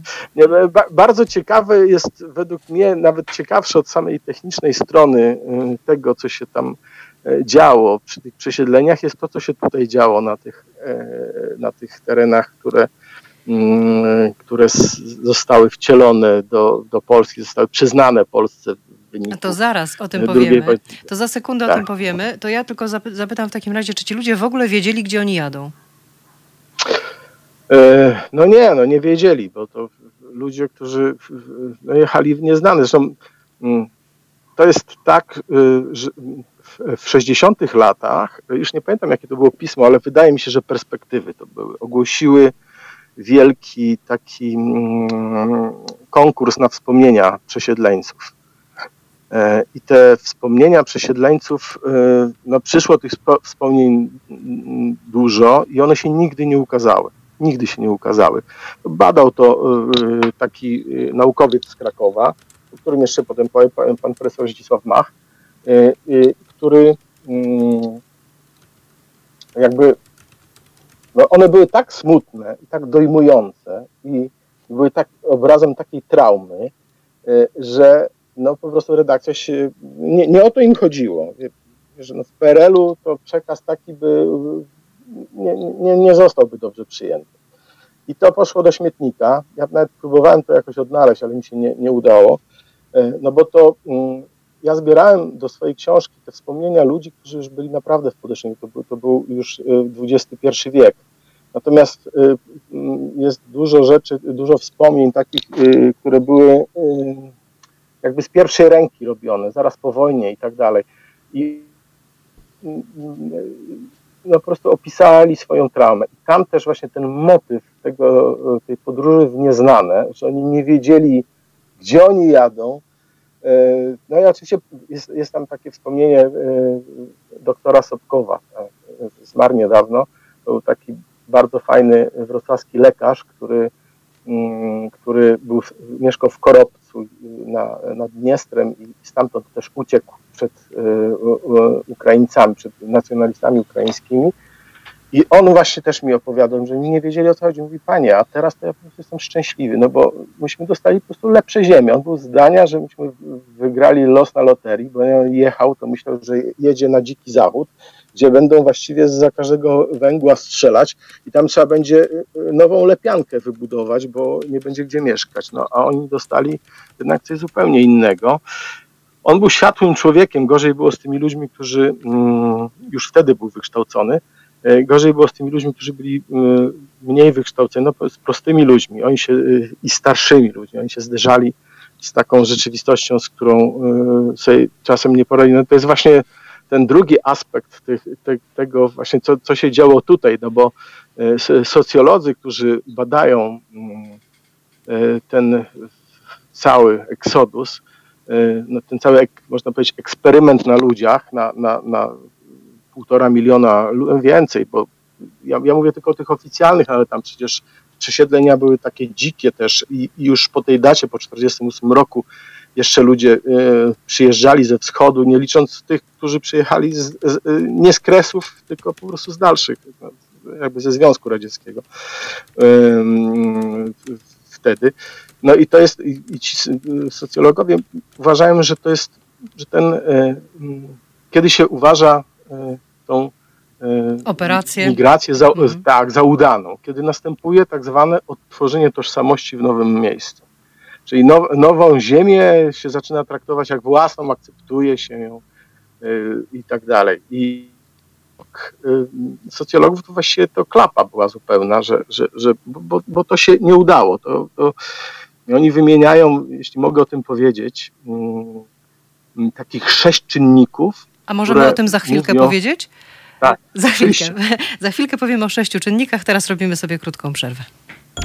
Słuchajcie, powtórki programu.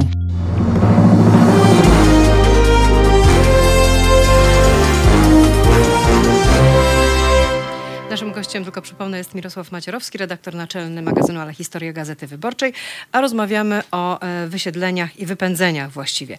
Mówiliśmy o tym, że żeby operacja taka się udała, socjologowie uważają, że należałoby spełnić sześć warunków. Ja za moment e, do tego wrócę, bo pamiętam. Tylko chciałabym cię najpierw zapytać, żeby, albo poprosić, żebyśmy powiedzieli sobie parę słów o tym, co zastali ci ludzie na tych terenach, e, na które przybyli. Bo powiedziałeś, że oni sądzili, że będą mieszkać w lepiankach, a tymczasem było dokładnie odwrotnie, prawda? Trafili na ziemię zasiedlone do tej pory przez Niemców, które właściwie cywilizacyjnie wyprzedzały wschód o lata świetlne, prawda? Więc jak oni się no tam tak. w tym znaleźli? Jak to wyglądało? No to, to jest właśnie, się łączy z jednym z tych sześciu warunków, to, to co oni tutaj y, zastali, no bo no tak, nie było zastali... już glinianych podłóg, prawda? Tak, no nie, nie było, w ogóle było wszystko, wszystko inaczej. No, przepaść cywilizacyjna. Domy murowane, prawda? Dachy miały. Oni po prostu, oni po prostu nie rozumieli. No właśnie tam pierwszy z tych czynników to jest przepaść cywilizacyjna. Jeżeli, jeżeli ktoś emigruje na ziemię, gdzie, gdzie e, cywilizacja jest e, rozwinięta wyżej, no to, a, a żył przez całe życie i ma powiedzmy 50-60 lat i przez całe, e, całe życie spędził w zupełnie innych warunkach, no to jest to dla niego szok. No. Oni jechali na tereny o wiele lepiej rozwinięte, nie, rozu, nie rozumieli jak gdyby tej ziemi, nie akceptowali od, od, od, od, od ukształtowania terenu po obyczajowość, symbolikę, inny kościół, inna fabryka, e, no i bardzo... No, A czy oni na przykład umieli w ogóle korzystać z, z rzeczy, które znajdowały się w domu?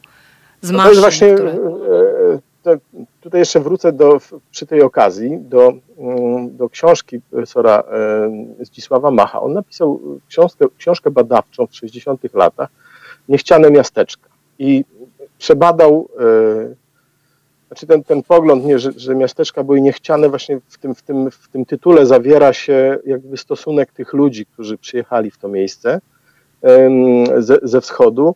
E, I on to przebadał na przykładzie Lubomierza miasteczka na Dolnym Śląsku, bardzo znanego chociażby z tego powodu, że tam był kręcony film Sami Swoi. E, widzimy tam oczywiście jest e, ma swoją, Kargul i Pawlak mają swoje gospodarstwa, ale do miasta to jeżdżą właśnie do Lubomierza. No i tam w ciągu kilku lat po e, zasiedleniu, po wyjeździe Niemców i zasiedleniu ich przez e, tego miasteczka przez, przez Polaków ze wschodu, no doszło do dewastacji. No. Tam spalono całą dokumentację wodociągów, bo uznano, że nie będą potrzebne. Zniszczono maszyny rolnicze, bo uznano, że to zbyt skomplikowane. Ja sam ze swojej rodziny pamiętam, e, jestem, do tego tą książkę w ogóle napisałem, bo jestem potomkiem przesiedleńców i z, jakby z tym tematem żyłem. E, jak u mojego dziadka e, maszyna rolnicza, chyba to był siewnik, on ręką siał, nie, nie wiedział do czego to służy. Jeszcze w 70 latach zardzewiałe leżało na, zardzewiały, ten siewnik leżał za stodołą. Jest albo taką znam opowieść też z tej samej wioski, że kaloryfery były w, e, w ścianach, no to powyrywali te kaloryfery, bo świetne, świetnie się nadawały na grzędę w, kurniku. I, no, I to po prostu zostało zdewastowane. W tym, w, w tym Lubomierzu było i, przed wojną iluś e, krawców, iluś e, szewców, iluś tam rzemieślników, masarzy i tak dalej. To się nie odtworzyło po przyjeździe. To, to po prostu pierwszy hot, tam były dwa hotele przed wojną, a, a pierwszy hotel po wojnie e, powstał w, 70, w 90 roku. I to jest jak właśnie też jakby obraz tego, tej sytuacji, w której oni, w której oni się znaleźli, że oni nie rozumieli tego, z czym mają do czynienia. Lepiej było e, w, w sytuacji, gdzie byli jeszcze Niemcy. No ja tam na przykład jest w tej książce taka opisana e, historia Adolfa Józwenki, który jest dzisiaj dyrektorem Ossolineum Wrocławskiego, który przyjechał z, mm, spod Sambora e, na, e, na Kresach e, do, pod Świdnicę. I mm, byli Niemcy jeszcze w tym, w tym mieszkaniu, w tym, w tym domu, w którym rolnicy, tak, tak, tak samo jak rodzice pana Józwenki. I oni najpierw schowali w stogach siana całą aparaturę, to, całe te wszystkie te maszyny rolnicze, a potem jak uznali, że to są ludzie, ci, którzy przyjechali dobrzy, prawi i tak dalej, to postanowili im ją dać. I yy, Józwenko opisuje, jak opisuje, opowiadał mi o tym, jak, jak po prostu poszedł do stogu, rozpakował ten stuk i wyciągnął maszynę i nauczył ojca, e, jego ojca po prostu tym się posługiwać, a potem zostali wysiedleni, oni zostali z tym. To było coś, jest, jest, jest też bardzo mm, symptomatyczna taka sytuacja z Opolszczyzny. W Opolszczyźnie, na Opolszczyźnie y, no, byli ci autochtoni, którzy byli takimi ludźmi pomiędzy. Mm, oni się w, w, no, żyli w, nie, w, Niemczech przed wojną i tak dalej, w czasie wojny, byli uważani za, za e, e, obywatelami niemieckimi, niektórzy poszli na front, ale w duchu czuli się E, przyznawali się do polskości, mówili takim e, śląskim, polskim, jak, jakąś taką mieszaniną. I jak na te tereny przyjechali zupełnie, to, to, był zupełnie inny gatunek człowieka, że tak powiem e, brzydko, niż ten, który przyjechał ze wschodu. I tam doszło do konfliktów między tymi Polakami, którzy byli na miejscu i tymi, którzy przyjechali. Ci na miejscu, za nimi jak gdyby stało większe, większy, większa świat. Halo? Jestem, jestem. Okej, okay, większa świadomość. Słychać mnie? Tak. Tak, tak, większa, większa świadomość i oni byli po prostu lepiej wykształceni, lepszymi rolnikami, natomiast ci, co przy, za, za, tymi, którzy przyjechali, no to stała przede wszystkim polityczna, yy, racja polityczna, bo oni byli tymi no. Polakami, którzy przyjechali yy, ziemię. No I tam doszło, do, dochodziło do... Tak. I paradok... Halo? Paradoksalnie? Ta... Paradoksalnie na tym tak, skończyłeś?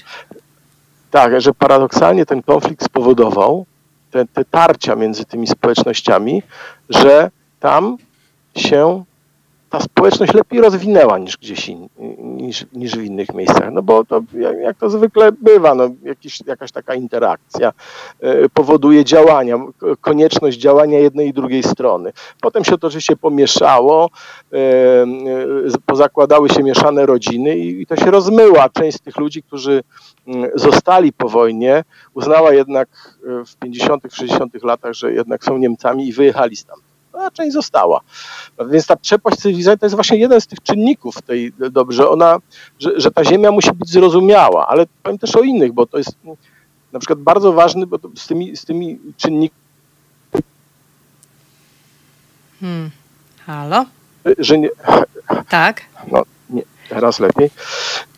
Słychać mnie? Tak, teraz dobrze. Słychać? Tak. tak.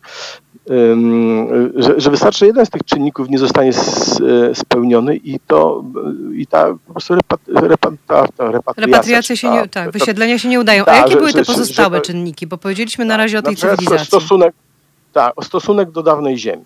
Na przykład w przypadku Kresów to był na, ten stosunek był nabożny. Było pokolenie wychowane w dwudziestoleciu międzywojennym, było tak bogojczyźniane, patriotyczne.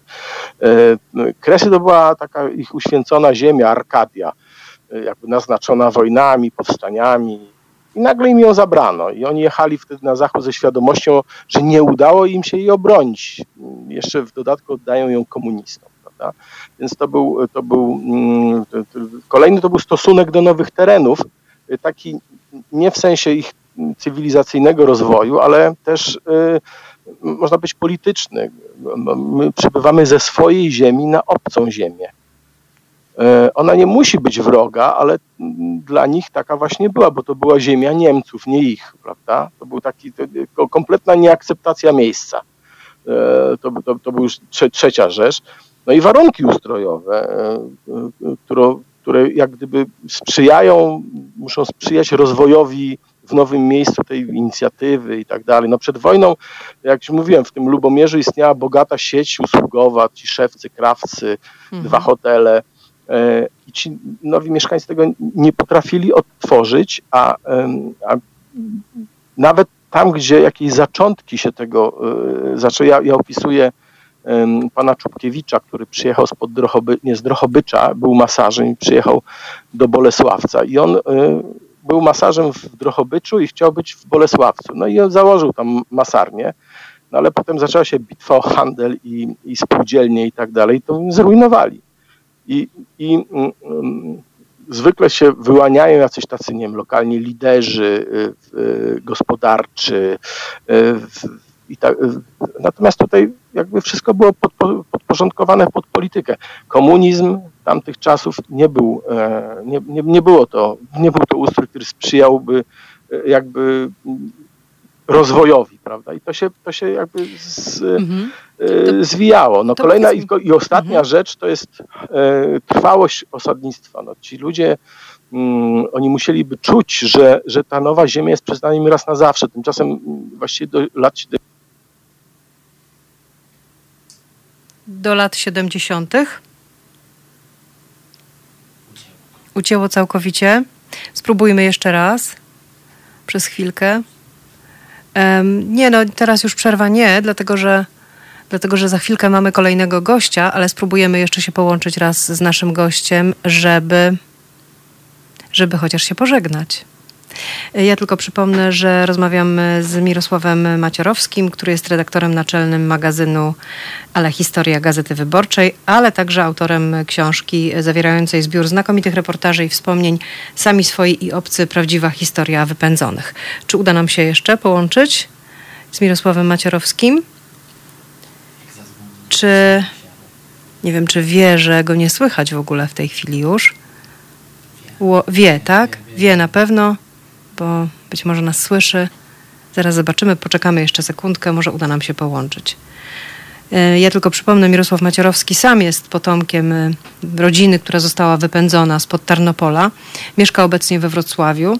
E, I stąd temat tej książki. Ja jeszcze chciałam zadać pytanie o, czo, o to, czym naprawdę były te wysiedlenia. Czy to była wynaradawiająca kara, czy to było oderwanie od korzeni, czy to była jednak może szansa w, w przypadku wielu rodzin na nowe, lepsze życie, jakieś przejście do innego świata, bo można by było jeszcze w ten sposób na to spojrzeć.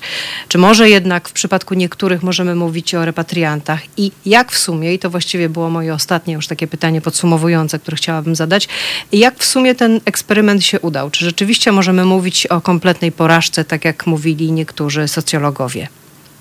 Ale chyba nie uda nam się już w tej chwili połączyć. Wobec tego, e, no cóż, zaocznie muszę bardzo serdecznie podziękować naszemu gościowi. E, Przypominam Mirosław Macierowski, Sami swoi i obcy, prawdziwa historia wypędzonych. Polecam Państwu książkę. Jest, jest? O, jest. To jeszcze tylko dwa słowa. Mirku, halo? Jesteś? Halo? A, wiesz, no właśnie No jestem, nie- zaczęłam nie się już wiem, żegnać w stało. Twoim imieniu. Zaczęłam się żegnać w Twoim imieniu, ale w takim razie jeszcze tylko A, chciałabym dobrze. y, zapytać Cię na sam koniec, już bardzo króciutko, czy Ty sądzisz, że ten eksperyment rzeczywiście w ogóle się nie udał? Czy to jednak dla wielu rodzin nie była szansa na lepsze życie?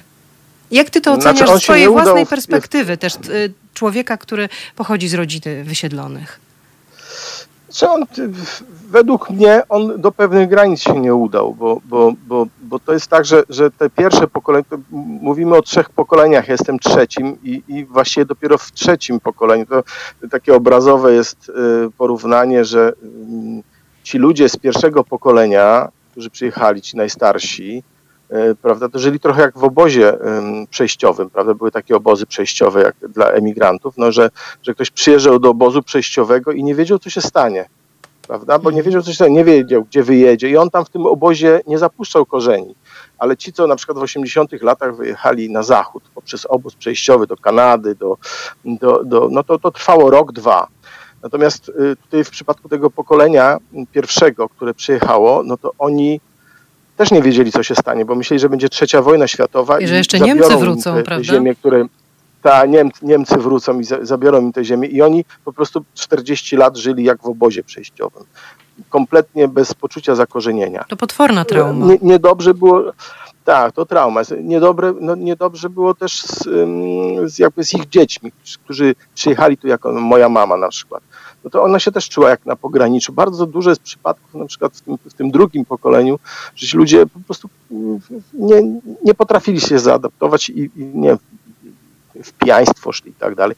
I dopiero trzecie pokolenie, tak się Mhm. Halo? w 63 Tak, słychać Cię, słychać. Tutaj urodziłem i dla mnie to już jest moja ziemia, prawda? Już, już mnie nie trzeba jej uczyć, i, a jak już się, że tak powiem, wszystkie polityczne sprawy uregulowały, granica została zaakceptowana, już dzisiaj to, to właśnie nie ma mowy o tym, żeby, żeby, ta, żeby, żeby mówić, że, że to jest ym, nie, żeby, żeby, żebyśmy się nie identyfikowali z miejscem swojego urodzenia i swojego. Dla mnie Wrocław to jest moje miasto, prawda? Dolny Śląsk to jest mój region, a nie niemiecki. I nie jest mi obcy, jest mój, prawda? Mirku, dobrego wieczoru we Wrocławiu w takim razie Ci życzę. Dziękuję bardzo. Bardzo dziękuję, że byłeś z nami i przepraszamy za te kłopoty techniczne. Trzymaj się, wszystkiego dobrego. Tak, to teraz możemy przerwać rzeczywiście na parę chwil i za moment będziemy się łączyć z naszym trzecim gościem. To jest powtórka programu.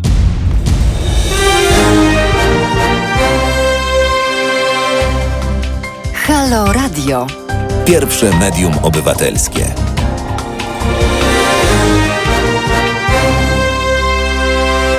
No to mamy okrągłą rocznicę w Halo Historia.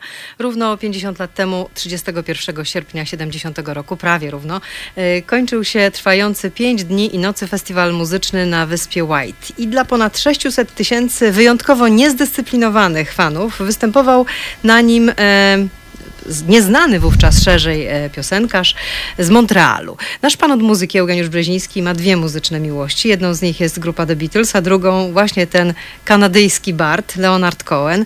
O Beatlesach już e, w historii pewnej piosenki kilkakrotnie mówiliśmy, no to teraz czas najwyższy na Cohena, a piosenkę, e, którą dzisiaj państwo usłyszą, to już sam zapowie pan, nasz, nasz pan od muzyki. Dzień dobry Państwu, dobry. dzień dobry Pani Marto. Dzień dobry. Cieszę się, że znowu słyszymy po dwóch tygodniach przerwy.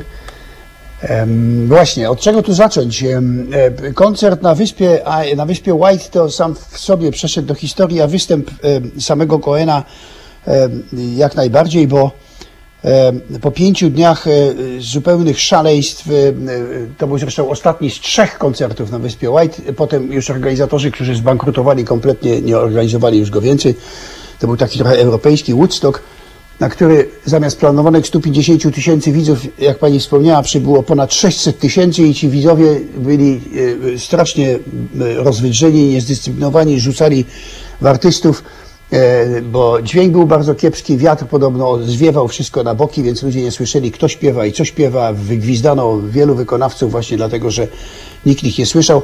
I w takiej to atmosferze, tuż po występie Jimiego Hendrixa, który który y, swoim ognistym występem spowodował, że, y, że, że widzowie podpalili scenę, y, więc po czymś takim działy się tam rzeczywiście szalone rzeczy. Godzina była druga w nocy. Na scenę wyszedł Leonard Cohen e, w e, jakimś takim mundurze kaki ze swoim ad hoc zebranym zespołem, którego nazwano The Army, bo nie miał żadnej innej nazwy, więc był Le- Leonard Cohen ze, swoim, Cohen ze, swoim, ze swoją The Army i super podobno spokojny, dzięki, jak stwierdził jeden z, e, z, z tych, którzy tam byli, e, ogromnej ilości mandraksu, który cały zespół, a szczególnie Leonard Cohen tuż przed koncertem zażyli. E, Mandrax to, jak znalazłem w Wikipedii, stosowany jako sedatywny, hipnotyczny lek o działaniu zbliżonym do barbituranów, powoduje spowolnienie akcji serca. Podobno tylko dzięki temu Cohen zachował, absolutny spokój, przemawiał do publiczności, uspokoił nieco i nagle zaczął w tempie e, podobno wyjątkowo zwolnionym zacząć śpiewać, pi- zaczął śpiewać piosenkę e, e, Like the Bird on a Wire. I te pierwsze, pierwsze słowa śpiewał prawie minutę. A potem zaśpiewał naszą dzisiejszą piosenkę, mianowicie piosenkę z albumu, który jeszcze się nie ukazał, jeszcze było rok do jego ukazania, to był trzeci album, trzeci album Goena, piosenkę Famous Blue Raincoat. E, I o niej właśnie chciałem dzisiaj parę słów powiedzieć. Cohen tuż przed występem na e, wyspie White e, 28 sierpnia, więc właściwie prawie mamy 50. rocznicę tego, postanowił, postanowił zaśpiewać tę piosenkę w, uwaga, szpitalu dla e, ludzi psychicznie chorych. Było to na przedmieściach Londynu, e, w dzielnicy Sutton, na południowych przedmieściach Londynu. To, to był jakiś taki bardzo nowoczesny, eksperymentalny szpital psychiatryczny. I jego dyrektor zgodził się na to, żeby Cohen tam wreszcie ze swoim zespołem zaśpiewał w jakimś takim dziwnym audytorium, pewnie jakaś, jakaś to była e, poczekalnia, czy, czy, czy jakaś inna sala. W każdym razie było miejsce dla 50 pacjentów i tych 50 pacjentów wysłuchało właśnie e, koncertu. Cohen bardzo dużo mówił do nich, rozmawiał z nimi na temat, na temat ich chorób. I w pewnym momencie któryś z tych e, pacjentów zawołał Famous Blue Raincoat. Czy można, czy można zaśpiewać tę piosenkę? Cohen był bardzo zdziwiony, dlatego że ta piosenka była właściwie mało znana. Y, Śpiewali ją od czasu do czasu na jakichś koncertach. Dopiero nie tak dawno została napisana przez samego Cohena i jak mówię, dopiero za rok miała się ukazać na płycie. E, Ja tu może taką ciekawostkę dodam ze, swojego, ze swojej prywatnej historii. Kiedy w 1985 roku byłem na koncercie Cohena w Rotterdamie, w takiej niedużej sali, która się nazywała The Dule, mieszczącej może, nie wiem, może 500, może 600 osób. Em, Cohen jednak wtedy absolutnie nie był w stanie wypełnić stadionów czy sal koncertowych na 20 tysięcy, jak w swoim ostatnim turnie. I w tym 85 roku, kiedy e, byłem na tej salce, to taka trochę większa sala teatralna chyba, e, siedziałem gdzieś w środku i mm, w pewnym momencie, mm, jakby już pod koniec koncertu, nastąpiła chwila ciszy i ja nie wiem jak to się stało, do dzisiaj nie wiem jak to się stało, krzyknąłem te same słowa, famous blue raincoat. Krzyknąłem to tak głośno, się przeraziłem, bo oczywiście w takiej ciszy, która panuje, w takim zapadła jeszcze większa, wydawało mi się, że cała sala się obróciła i patrzy na mnie, więc w ogóle byłem przerażony zupełnie. Natomiast nagle zobaczyłem, że sam Cohen też patrzy w moim kierunku i mówi, ok, let's play Famous Blue Raincoat. I zaśpiewał właśnie tę piosenkę. Byłem strasznie dumny, czułem się jakby śpiewał specjalnie dla mnie, a była to już od lat 70., od środka lat 70. moja ulubiona piosenka, bo moje spotkanie z Cohenem nastąpiło w 74 roku e, właśnie w Montrealu. Tam u moich przyjaciół wysłuchałem po raz pierwszy jego w nocy po jakiejś bibie. Siedzieliśmy sobie z tym przyjacielem moim na podłodze i słuchaliśmy właśnie Cohena i w nim się zakochałem, zacząłem go kupować, sprowadzać płyty do Polski i nawet w pewnym momencie e, uważałem, że to nie Maciej Zębaty, tylko ja e, przedstawiłem Polakom e, Polakom właśnie Leonarda Cohena. Przypomnijmy może młodszym słuchaczom, że Maciej Zębaty sam był polskim bardem, który zresztą świetnie Koena tłumaczył. Tak, właśnie i nie tylko tłumaczył, ale śpiewał podobno. podobno przetłumaczył 60 jego piosenek, e, z tego sporo nagrał. Robił to zresztą bardzo dobrze, mówię o tłumaczeniu, a głos miał bardzo podobny, jak zapewne Państwo Też pamiętają. taki ponury. Do, tak, też taki ponury, niski i bardzo pasujący do piosenek Coena. Notabene e, Maciejowi Zębatemu zawdzięczamy to, że Cohen w swojej trasie koncertowej w roku 1985, czyli jakby też mamy w tej chwili okrągłą rocznicę, chociaż to tylko 35 lat, e, e, właśnie Ma- Macieje, Maciejowi Zębatemu, Zębatemu zawdzięczamy, że Cohen e, odwiedził Polskę i miał cztery kompletnie wyprzedane koncerty e, na terenie Polski. Wtedy zresztą próbowano w jakiś sposób e, e, e, namówić Coena do pewnych deklaracji politycznych, do spotkania jego na scenie z Wałęsą, ale e, Cohen się na to nie zgodził, uważał, że jest, e, nie, nie chciał oficjalnie przyjmować żadnego politycznego stanowiska, e, chociaż trzeba mu tu oddać, że w momencie, kiedy e, wylatywał już z Polski, wysłał depeszę. On zresztą twierdził, że nie, nie robił tego właśnie ze względu na organizatorów tego, tych koncertów, nie chciał ich narażać. Wiedział, że Maciej Zębaty sam podobno w 1981 roku w stanie wojennym został aresztowany, więc nie chciał go narażać na dodatkowe kłopoty. W każdym razie z samolotu wysłał depeszę do generała Jaruzelskiego, żeby d- doprowadził w Polsce do do e, demokracji, do, do, do, do, do, do, przy, przy, przywrócił Solidarność i tak dalej. I potem na pierwszym koncercie, po powrocie do Stanów, na pierwszym koncercie zresztą oficjalnie właśnie ze sceny poparł Solidarność. Już wtedy, da- zdaje się, nic mu nie groziło. E, Sama piosenka The Famous Blue Raincoat jest dosyć, dosyć e, ciekawa, ma ciekawą konstrukcję, ma formę listu śpiewanego, podpisanego L. Cohen i e, zresztą w tłumaczeniu Macieja Zębatego te, to L. Cohen jest zmienione na Leonard Cohen, co nie do końca Cohen, co nie do końca jest chyba zgodne z intencjami artysty, bo on wcale nie pisze e, w tej piosence o, e, ja- jako on, tylko Ale pisze w pierwszej osobie właściwie. Tak. Nie, no tutaj się nie zgodzę. On pisze w pierwszej osobie, bo może ja tylko krótko powiem, że to jest piosenka o tym, o mężczyźnie, który pisze list do swojego dawnego przyjaciela, z którym zdradziła go żona. Y, I pisze do niego ten list taki w zasadzie, no, z jednej strony pełen wyrzutu, z drugiej zrozumienia, dużo w tym żalu, ale jednocześnie takiego pogodzenia się z losem.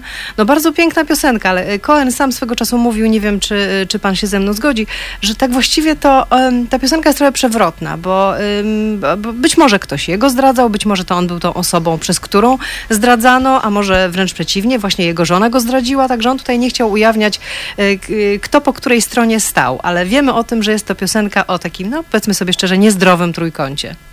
No ale właśnie to też nie do końca jest wiadomo i tu nie tylko nie, nie wiadomo kto kogoś z kim zdradzał, e, ale nawet nie wiadomo ki, kim, czyją żoną była ta Jane. Bo jak się dobrze czytać w, w, w tekst oryginalny, w tekście e, e, tłumaczonym przez, przez Maćka Zębatego to jest jakby jaśniejsze, jakby wyjaśnione już do końca. U Cohena nie jest to aż tak do końca jasne i rzeczywiście słuchając tego tekstu nie wiadomo kto to jest ten, ten ten I, kto to jest ten you i kto to jest właściwie ta Jane. Znaczy, kto to jest ta Jane, to może wiadomo. Ale kiedy pytano Cohena w 1994 roku właśnie o szczegóły tej piosenki, to powiedział, że on nie przypomina sobie takiego trójkątu ze swojego życia. Nie wie, o jakim trójkącie on pisał w tej piosence, a w ogóle to chyba nie pisał żadnej piosence, on tylko wie, że ten jego słynny niebieski prochowiec to rzeczywiście kupił taki w 1959 roku w Londynie i podobno wyglądał w nim jak pająk w płaszczu, ale stwierdził, że po tym jak odpruł podszewkę i, i naprawił jakimiś łatami, łatami skórzanymi e, oderwane rękawy, to podobno płaszcz wyglądał całkiem przyzwoicie i, i spełniał swoją rolę. Płaszcz zresztą później został w No- Nowym Jorku od jego przyjaciółki, z domu jego przyjaciółki Marianne skradziony w, w, pierwszych latach 70. E, Czy ta piosenka jest auto- autobiograficzna? Trudno powiedzieć. Wiemy, że e, Cohen raczej pisząc o kobietach swojego życia miał ich bardzo dużo. Pisał, używał ich, ich prawdziwych imion. Tak było z So Long Marianne, tak było z Suzanne, oczywiście tą najsłynniejszą chyba. Jane jakoś sobie nie mógł przypomnieć. Jego e, najsłynniejsza biografka Sylvie Simmons też nie wspomina o żadnej Jane w jego historii, więc możemy założyć, że ta piosenka nie jest autobiograficzna, chociaż czy y, Cohen był związany kiedykolwiek w jakichś, w jakichś trójkątach, to trudno powiedzieć. W każdym razie piosenka rzeczywiście, jak pani mówi, jest wspaniała. E, Cohen był przede wszystkim wspaniałym poetą, zanim został piosenkarzem, to pisał wiersze i pisał książki i, i zresztą do, bardzo długo toczyła się dyskusja, czy to Dylan, czy to właśnie Leonard Cohen powinien był dostać e, literacką Nagrodę Nobla, jeżeli już jakiś e, Bart czy jakiś piosenkarz miał ją dostać. Tu jeszcze może taką ciekawostkę, jeżeli mamy jeszcze sekundę, nie Jeszcze wiem czy, chwilkę, czy tak, jeszcze moment. e, jest, bo oni się w jakiś sposób przyjaźnili, Dylan z Cohenem i kiedyś podczas jakiegoś par- paryskiego spotkania po jakiegoś paryskiego spotkania przekazywali sobie teksty piosenek. Nie, wiadomo jaką piosenkę pokazał Dylanowi e, Cohen, ale Dylan pokazał e, piosenkę, nie pamiętam w chwili, jaką, nieważne. I Cohen taki zachwycony tym tekstem Dylana mówi, Jezus, jak długo ty to pisałeś? Więc Dylan mówi, no 15 minut w taksówce, jak jechałem gdzieś tam. A, a, a jak długo ty pisałeś tą swoją piosenkę? No więc Cohen odpowiedział e, ki- kilka lat i dodał e, potem e, już od siebie czy do siebie, wstydziłem, powiedzieć, wstydziłem się powiedzieć mu prawdę. To jest charakterystyczne dla Cohena. On pisał swoje piosenki w nieskończoność. Z tej piosenki akurat The Famous Blue Raincoat wcale nie był zadowolony. Do końca uważał, że nie jest to udana piosenka, ale śpiewał ją do samego końca. Śpiewał ją na właściwie wszystkich tych ostatnich koncertach. Z tej ostatniej trasy koncertowej miałem ogromną przyjemność i zaszczyt być na dwóch e, koncertach i na obu ją śpiewał, więc, e, e, więc to na pewno jest jedna z tych piosenek, których warto posłuchać i dlatego zapraszam Państwa do tej piosenki. Ja sam bardzo się cieszę, że właśnie Cohenem, moim ukochanym Cohenem, zamykam jakby tę klamrę spinającą historię pewnej piosenki. Zaczęliśmy dawno temu Beatlesami, skończyliśmy dzisiaj Cohenem i ja bardzo się cieszę Pani Marto, że Pani dała mi szansę na to, żebym się mógł tu wymądrzać. E, Państwu dziękuję, jeżeli mnie słuchaliście i mam nadzieję, że to e, zachęci wszystkich do grzebania po różnych źródłach i szukania e, atrakcyjnych tematów piosenek. Dziękuję bardzo. E, No tak, to pożegnanie e, pan e, nasz od muzyki Eugeniusz Brzeziński już zaczął, to w takim razie mnie wypada tylko skończyć. Ja również bardzo Państwu serdecznie dziękuję. To była moja ostatnia audycja w Halo Radio. Wzywają mnie inne obowiązki, więc przyjemności jestem zmuszona odłożyć. Przechodzę na inną stronę mocy, czyli do grona słuchaczy Halo Radio. Serdecznie pozdrawiam wszystkich moich wiernych słuchaczy, pana Julka, pana kapitana Stratforda, Baju Baj, kogoś jeszcze, ale w tej chwili nie widzę. Także wielkie dzięki za słuchanie nas i do, do wszystkiego dobrego. Nie mogę powiedzieć do usłyszenia w tym momencie. Famous Blue Raincoat teraz dla Państwa.